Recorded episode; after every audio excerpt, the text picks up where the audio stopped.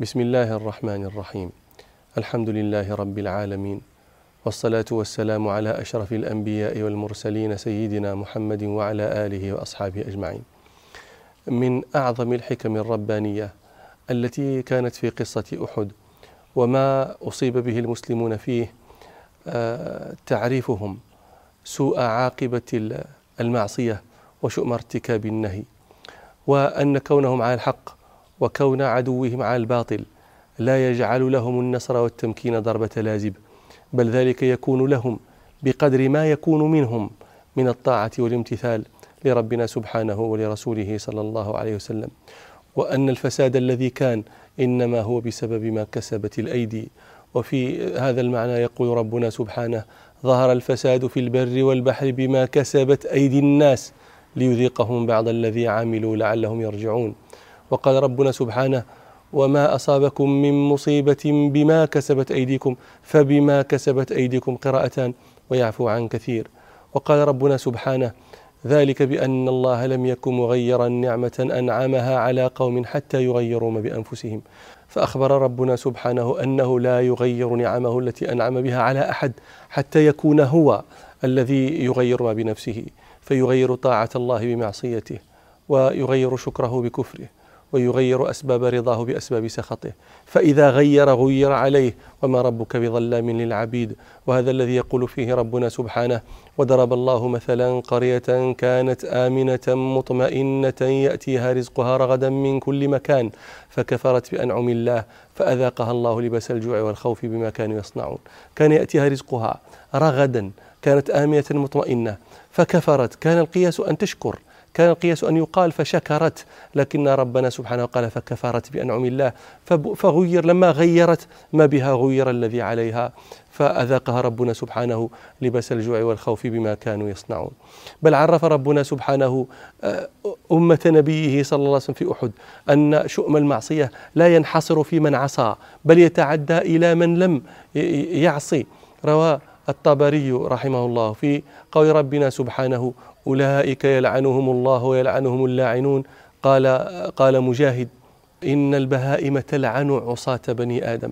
إذا اشتدت السنة وأمسك المطر يقولون هذا بشؤم معصية ابن آدم فيلعنونه ويلعنهم اللاعنون.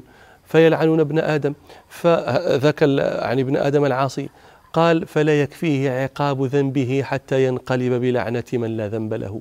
نسأل ربنا سبحانه أن يجعلنا من عباده الطائعين. وأن يجنبنا أفعال الفاسقين وأن يختم لنا بخير ولجميع المسلمين. ثم رجع رسول الله صلى الله عليه وسلم إلى المدينة.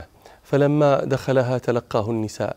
روى ابن إسحاق عن سعد بن أبي وقاص رضي الله عنه قال مر رسول الله صلى الله عليه وسلم بامرأة من بني دينار وقد أصيب زوجها وأخوها وأبوها معه صلى الله عليه وسلم بأحد.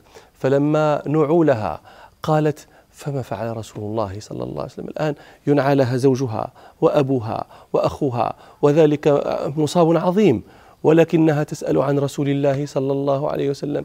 قالت فما فعل رسول الله صلى الله عليه وسلم؟ قالوا خيرا يا أم فلان هو بحمد الله كما تحبين. قالت أرونيه حتى أنظر إليه. قال فأشير آه، لها إليه فحتى إذا رأته. قالت كل مصيبة بعدك جلل. جلل هذا من الأضداد يأتي بمعنى تقول شيء جلل أي عظيم وشيء جلل أي حقير. والسياق طبعا يبين أن المراد هنا الحقير. فكل تقول كل مصيبة آه، بعدك يعني ما أخطأتك المصائب فالمصائب حقيرة صغيرة. وسمع رسول الله صلى الله عليه وسلم البكاء في البيوت. روى أحمد وابن ماجه عن عبد الله بن عمر رضي الله عنهما أن رسول الله صلى الله عليه وسلم لما رجع من أحد سمع, سمع نساء الأنصار يبكين على أزواجهن فقال صلى الله عليه وسلم لكن حمزة لا بواكي له. فبلغ ذلك نساء الأنصار فجئنا يبكين على حمزة. فانتبه رسول الله صلى الله عليه وسلم من الليل فسمعهن وهن يبكين فقال ويحهن لم يزلن يبكين بعد منذ الليلة؟ مروهن فليرجعن ولا يبكين على هالك بعد اليوم فنهى صلى الله عليه وسلم يومئذ عن النياحة. ومن الغد في يوم الأحد أذن مؤذن رسول الله صلى الله عليه وسلم بالخروج في طلب قريش لأنه صلى الله عليه وسلم بلغه أن أبا سفيان يعد العدة ليرجع إلى المدينة ليستأصل من بقي فيها من أصحاب رسول الله صلى الله عليه وسلم. روى النسائي في السنن الكبرى والطبراني في معجمه الكبير عن ابن عباس رضي الله عنهما قال لما انصرف المشركون عن أحد وبلغوا الروحاء قالوا لا محمدا قتلتموه صلى الله عليه وسلم. ولا الكواعب أردفتم وبئس ما صنعتم ارجعوا. فبلغ ذلك رسول الله صلى الله عليه وسلم فندب الناس فانتدبوا رضي الله عنهم على ما بهم من ألم الجراح الكثيرة التي أصابتهم في أحد. فأنزل ربنا سبحانه الذين استجابوا لله والرسول من بعد ما أصابهم القرح للذين أحسنوا منهم واتقوا أجر عظيم. فمضوا حتى بلغوا حمراء الأسد. حمراء الأسد هذا موضع قريب من المدينة على نحو عشرين كيلومترا في طريق مكة. وأقبل معبد بن أبي معبد الخزاعي إلى رسول الله صلى الله عليه وسلم فأسلم. فأمره رسول الله صلى الله عليه وسلم أن يلحق بأبي سفيان فيخذله فلحقه بالروحاء. ولم يعلم أبو سفيان بإسلامه فقال ما وراءك يا معبد قال محمد قد خرج في أصحابه. يطلبكم في جمع لم أرى مثله قط قد اجتمع معه. من كان تخلف عنه في يومكم وندموا على ما صنعوا. فيهم من الحنق عليكم شيء لم أرى مثله قط. قال ويحك ما تقول. قال ما أرى أن ترتحل حتى ترى نواصي الخيل. قال أبو سفيان فوالله لقد أجمعنا الكرة عليهم لنستأصل بقيتهم. قال فإني أنهك عن ذلك. ولقد حملني ما رأيت على أن قلت فيهم أبية من الشعر. قال أبو سفيان وما قلت؟ قال قلت كادت تهد من الأصوات راحلتي. إذ سالت الأرض بالجرد الأبابيل تردي بأسد كرام لا تنابلة عند اللقاء ولا ميل معازيل. تردي بأسد هذه الجرد هذه الخيل الجرد تردي بأسد فوقها. كرام لا تنابلها التنابل جمع تنبال وهو القصير. وليسوا آه، بتنابلة وليسوا بميل معازيل. الميل جمع الأميل وهو الذي يميل عن السرج ولا يعني يحسن ركوبه لأنه لا يحسن فروسية آه، وليسوا بمعازيل. المعازيل جمع معزال وهو الذي لا سلاح معه. فهؤلاء أسد كرام ليسوا بتنابلة وليسوا بميل وليسوا بمعازيل. قال فظلت عدوا أظن الأرض مائلة لما سموا برئيس غير مخذول صلى الله عليه وسلم. فقلت ويل ابن حرب من لقائكم إذا تغطمطت البطحاء بالجيل. فرجعوا على أعقابهم إلى مكة ولقي أبو سفيان بعض المشركين يريد المدينة فقال له هل لك أن تبلغ محمدا صلى الله عليه وسلم رسالة وأوقر لك بعيرك زبيبا إذا أتيت مكة؟ قال نعم. قال فقل له إنا نعد لكم لنكر عليكم ونستأصل بقيتكم. فبلغت مقالته رسول الله صلى الله عليه وسلم فقال حسبنا الله ونعم الوكيل. فأنزل ربنا سبحانه قوله الذين قال لهم الناس إن الناس قد جمعوا لكم فاخشوهم فزادهم إيمانا وقالوا حسبنا الله ونعم الوكيل. فانقلبوا بنعمة من الله وفضل لم يمسسهم سوء واتبعوا رضوان الله والله ذو فضل عظيم. آه، روى البخاري في صحيحه عن ابن عباس رضي الله عنهما قال حسبنا الله ونعم الوكيل. قالها إبراهيم عليه السلام حين ألقي في النار وقالها رسول الله صلى الله عليه وسلم حين قال لهم الناس إن الناس قد جمعوا لكم فاخشوهم فزادهم إيمانا وقالوا حسبنا الله ونعم الوكيل. وقبل أن نرخي الستر على هذه السنة نذكر فيها شيئا أخيرا. ففيها تزوج رسول الله صلى الله عليه وسلم حفصة بنت عمر رضي الله عنهما.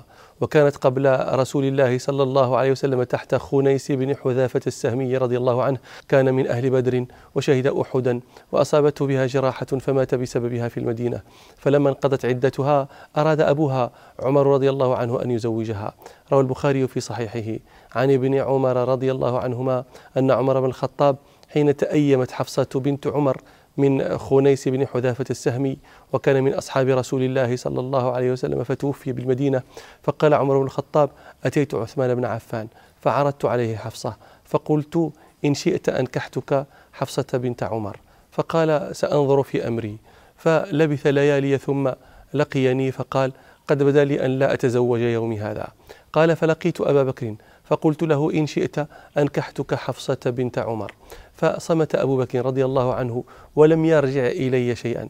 قال عمر فكنت أوجد عليه مني على عثمان. يعني هو غضب من عثمان كانت في قلبه موجدة على عثمان لأنه رد عليه ابنته. وهذا طبعا يعز على الكريم أن ترد كريمته وقد عرضها للزواج. ولكنه كان على أبي بكر أشد غضبا منه على عثمان لأن أبا بكر لم يرد عليه شيئا كأنه يعني ما قال فصامت أبو بكر فلم يرجع إلي شيئا فكنت أوجد عليه مني على عثمان. قال فلبثت ليالي فخطبها رسول الله صلى الله عليه وسلم فأنكحتها إياه. ثم لقيني أبو بكر فقال لعلك وجدت علي إذ لم أرجع إليك شيئا. فما منعني أن أرجع إليك شيئا إلا أني كنت سمعت رسول الله صلى الله عليه وسلم قد ذكرها وما كنت لأفشي سر رسول الله صلى الله عليه وسلم ولو تركها رسول الله صلى الله عليه وسلم لقبلتها. فانظروا مراداتهم لأنفسهم وانظروا مراد ربهم سبحانه لهم. كان مراد ربنا سبحانه لهم خيرا من مرادهم لأنفسهم. زوج ربنا سبحانه حفصة رسول الله صلى الله عليه وسلم وهو خير من أبي بكر وعثمان. وزوج ربنا سبحانه عثمان أم كلثوم بنت رسول الله صلى الله عليه وسلم وهي خير لعثمان من حفصة. لم أقل وهي خير من حفصة فأنا لست أفاضل بين بنت رسول الله صلى الله عليه وسلم وزوج رسول الله صلى الله عليه وسلم. ولكني أقول كانت خيرا لعثمان من من حفصة. لماذا؟ لأن لأنه بقي لعثمان بهذا الزواج علقة برسول الله صلى الله عليه وسلم لم تكن لتبقى له لو أنه تزوج حفصة. ومرت الأيام وفشى حديث معركة أحد في العرب فتضعضعت لذلك سمعة المسلمين وطمعت فيهم القبائل فلم يمض إلا وقت قصير حتى آه، أخذ خالد بن سفيان بن نبيح الهذلي يجمع الجموع لحرب النبي صلى الله عليه وسلم فبعث إليه صلى الله عليه وسلم عبد الله بن أنيس الجهني الأنصاري في الخامس من شهر محرم من السنة الرابعة للهجرة فقتله روى أحمد وأبو داود وابن حبان عن عبد الله بن أنيس رضي الله عنه هذا قال دعاني رسول الله صلى الله عليه وسلم فقال إنه قد بلغني أن خالد بن سفيان بن نبيح الهذلي يجمع لي الناس ليغزوني فأته فهو بعرنة عرنة الوادي المعروف في في في عرفة. فأته فاقتله. فقال عبد الله بن أنيس يا رسول الله إنعته لي حتى أعرفه. فقال صلى الله عليه وسلم إذا رأيته وجدت له قشعيرة. رعدة يعني إذا رأيته اقشعر جسمك. وفي رواية ابن سعد في طبقاته أنه صلى الله عليه وسلم قال إذا رأيته هبته وفرقت منه وذكرت الشيطان. قال فخرجت متوشحا بسيفي حتى وقعت عليه وهو بعرنة مع ضوعون يرتاد لهن منزلا. وحين كان وقت العصر فلما رأيته وجدت ما وصف لي رسول الله صلى الله عليه وسلم من القشعريرة فأقبلت نحوه. وخشيت أن يكون بيني وبينه محاولة تشغلني عن الصلاة. في رواية مجاولة يعني خشي عبد الله بن أنيس أن يكون بينه وبينه مقاتلة تشغله عن صلاة العصر والوقت وقت صلاة العصر. قال فصليت وأنا أمشي نحوه أومئ برأسي الركوع والسجود. فلما انتهيت إليه قال من الرجل؟ قلت رجل من العرب. سمع بك وبجمعك لهذا الرجل فجاءك لهذا. قال أجل أنا في ذلك. قال فمشيت معه شيئا حتى إذا أمكنني حملت عليه السيف حتى قتلته ثم خرجت. فلما قدمت على رسول الله صلى الله عليه وسلم رآني فقال صلى الله عليه وسلم أفلح الوجه فقلت قتلته يا رسول الله. فقال صدقت. قال ثم قام معي صلى الله عليه وسلم فدخل بي بيته فأعطاني عصا وقال أمسك هذه عندك يا عبد الله بن أنيس. قال فخرجت بها على الناس فقالوا ما هذه العصا. قلت أعطانيها رسول الله صلى الله عليه وسلم وأمرني أن أمسكها. قالوا أو لا ترجع إلى رسول الله صلى الله عليه وسلم؟ فتسأله عن ذلك. قال فرجعت إلى رسول الله صلى الله عليه وسلم فقلت له يا رسول الله لما أعطيتني هذه العصا؟ فقال صلى الله عليه وسلم علامة بيني وبينك يوم القيامة إن أقل الناس المتخصرون يومئذ. المتخصر هو الذي يعني بيده عصا يتكئ عليها. فكان عبد الله بن أنيس يقرن تلك العصا بسيفه لئلا يتركها في موضع لأنه لا يترك سيفه في موضع.